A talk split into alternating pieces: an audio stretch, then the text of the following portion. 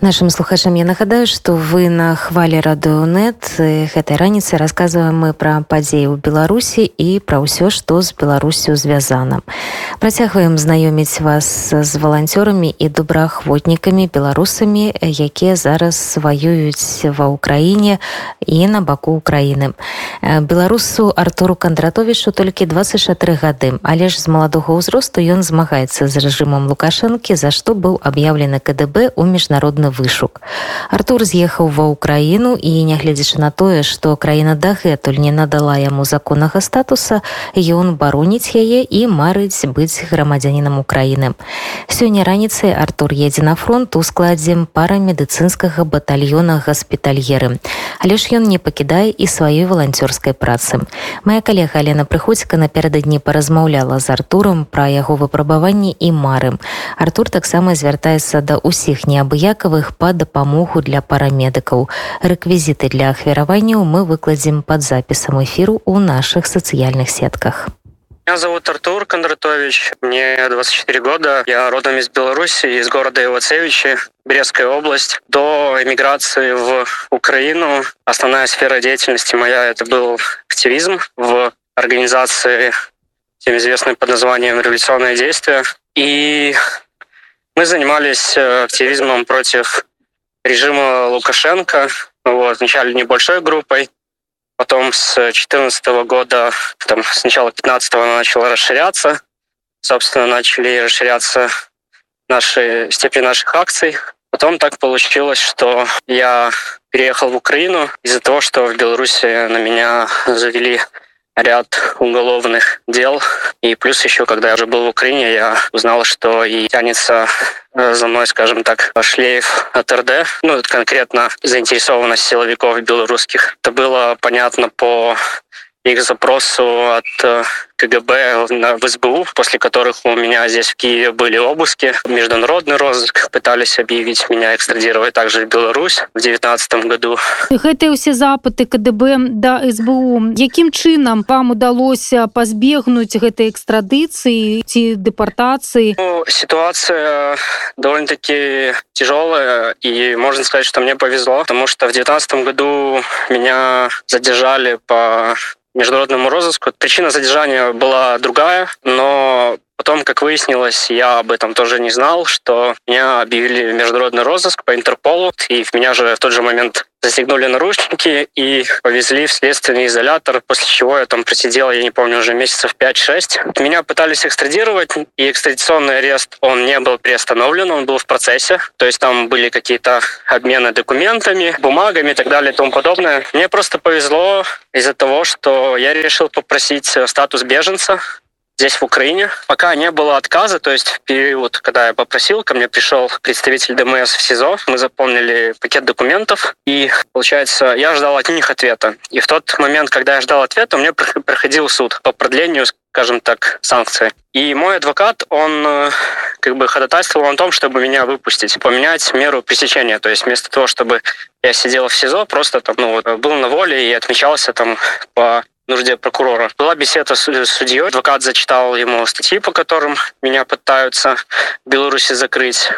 Судья посмеялся и приостановил экстрадиционный арест, и тем самым поменял мне меру пресечения с заключением под стражей на, скажем так, Э, просто приходить к прокурору, отмечаться. После этого каждые два месяца на протяжении почти что двух, там, трех лет я приходил в прокуратуру, продли... ну, были суды, я продлевал санкцию. И также ДМС раз за разом отказывала мне в получении статуса того же беженца. И, кстати, когда был суд, когда меня выпустили уже с-под стражи, на следующий день, буквально через два, в СИЗО пришел документ о том, что ДМС мне отказала. Вот, то есть вот, собственно, мне из-за этого и повезло. Если бы этот документ пришел бы раньше, судья бы отменил бы свое, ну, не принял бы такое решение, потому что у прокуратуры были бы другие документы, подтверждающие того, что мне в беженстве отказали, и у судьи бы не было бы оснований, скажем так, выпускать меня из СИЗО.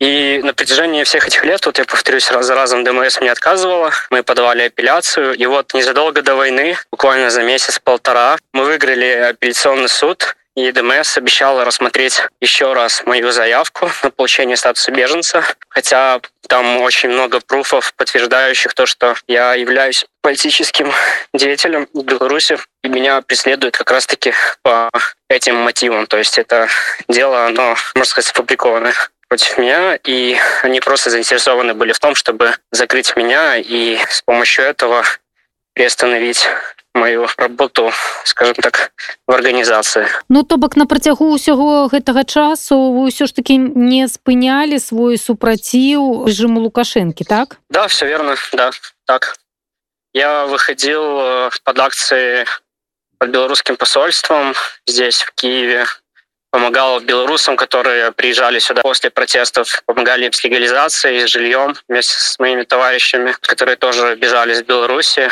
некоторые еще бежали раньше меня.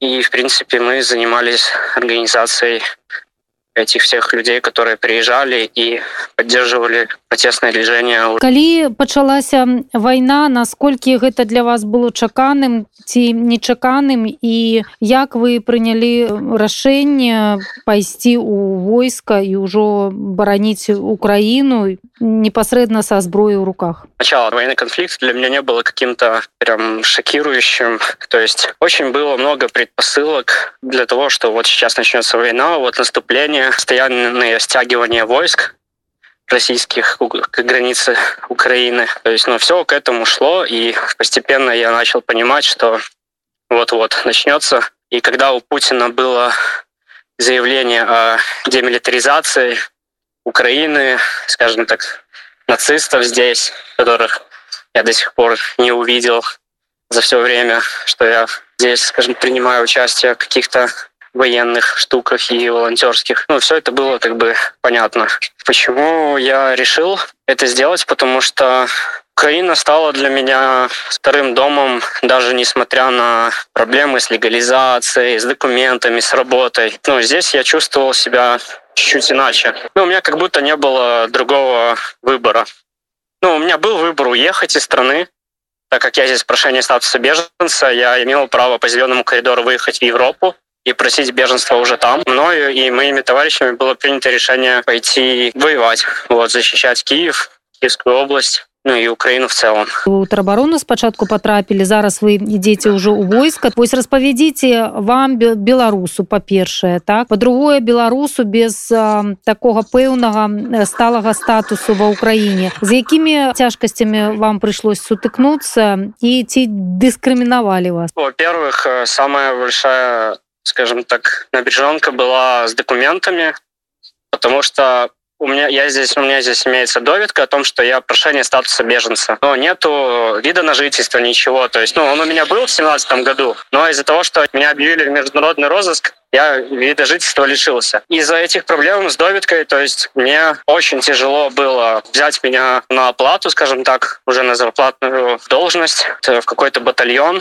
Просто в начале войны брали, скажем так, второго всех, кого попало, потому что была, скажем так, такая паника немного. Меня приняли по этой доведке и сказали, мол, окей, типа, без проблем, вот, я принял там, скажем так, присягу. В принципе, это было необходимым. Ну, в начале, когда русские уже подошли, подходили под Киев, у нас второго была очень напряженная ситуация. Я решил уйти с ТРО и заниматься волонтеркой. Получалось довольно-таки неплохо. Потом, спустя время, мой знакомый украинец, который сейчас воюет, посоветовал мне пойти в добровольческий батальон. То есть, ну, туда берут тех даже, у кого там проблемы с документами, иностранцев. То есть, ну, не обязательно это граждане Украины. Вот, я решил воспользоваться этим шансом, так как мне уже ничего не мешало в том, чтобы начать уже, скажем так, принимать участие в каких-то боевых действиях. Артур, вот сегодня мы с вами размовляем, а завтра вы едете на фронт, так? Ну, у нас э, эвакуационный экипаж.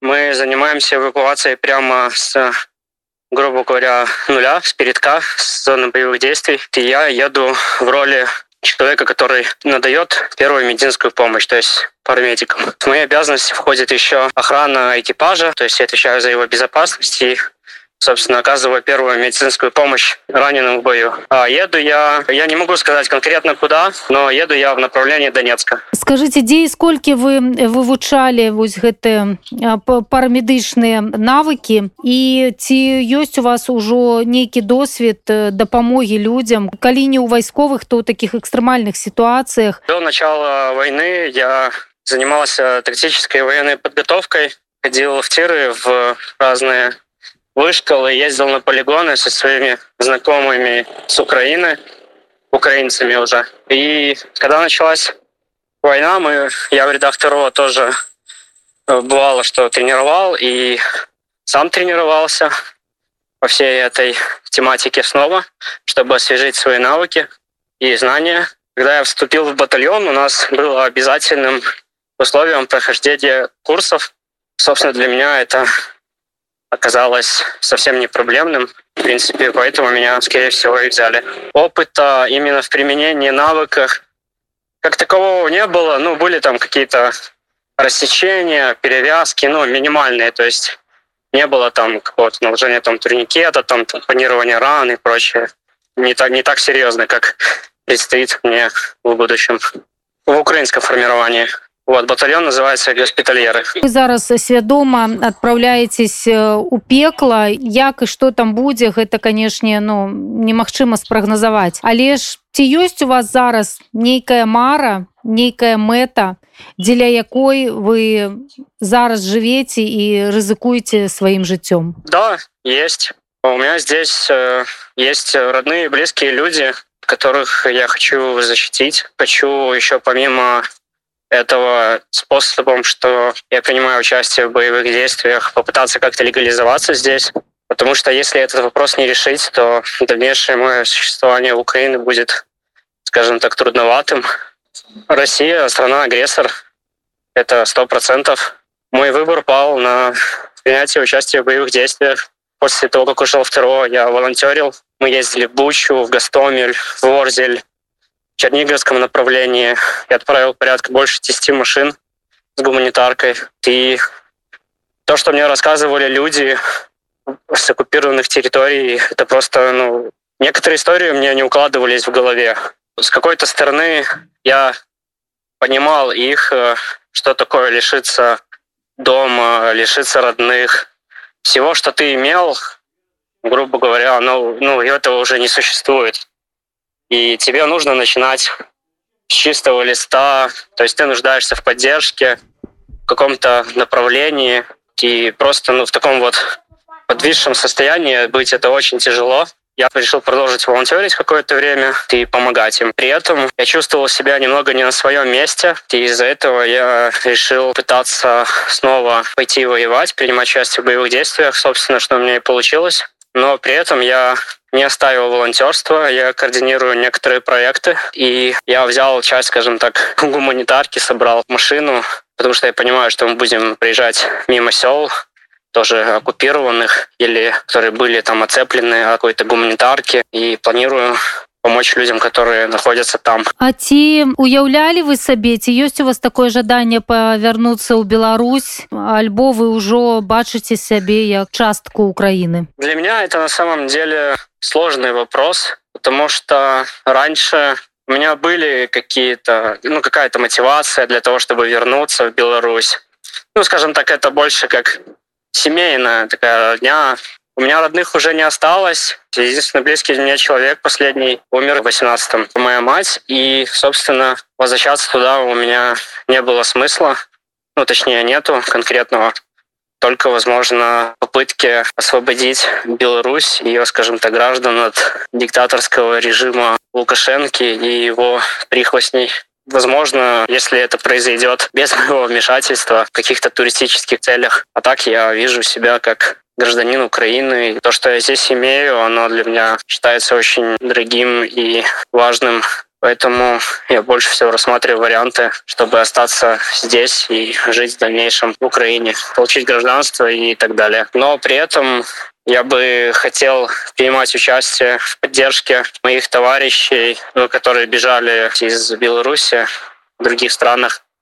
Вот, и, собственно, моих, моих товарищей, которые находятся сейчас в Беларуси. Белорусский активист, а зараз добраахвотнік Артур Кондратович рассказывал свою историю змагання с пачатку Беларуси, ну а зараз ва Украине.